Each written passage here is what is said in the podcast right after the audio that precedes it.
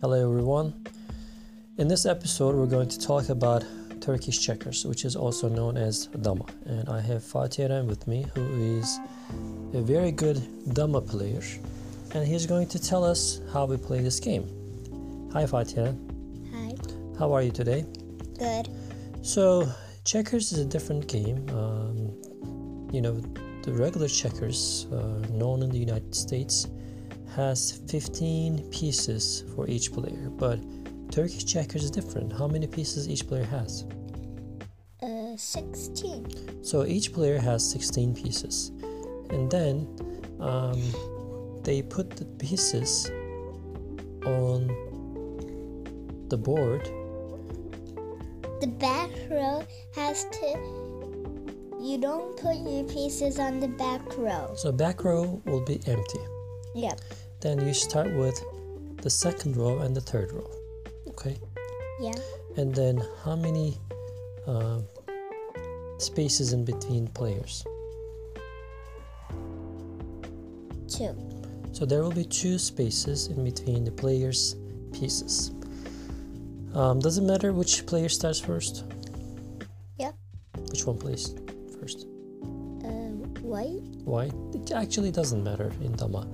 Uh, whoever, usually some people say whoever is um, like age wise little starts first. Okay, then how do you play? Each player gets 16 pieces. The pieces can only move one square in any directions, well, not backwards. But they cannot move diagonally. You know. So they should move either forward or Sideways. sideways. How do you uh, win the game? What's the goal? To capture all your pieces. Okay, how do you capture your opponent's pieces? You jump over them. Okay, what happens when one of your pieces reach to all the way to the end of the game board?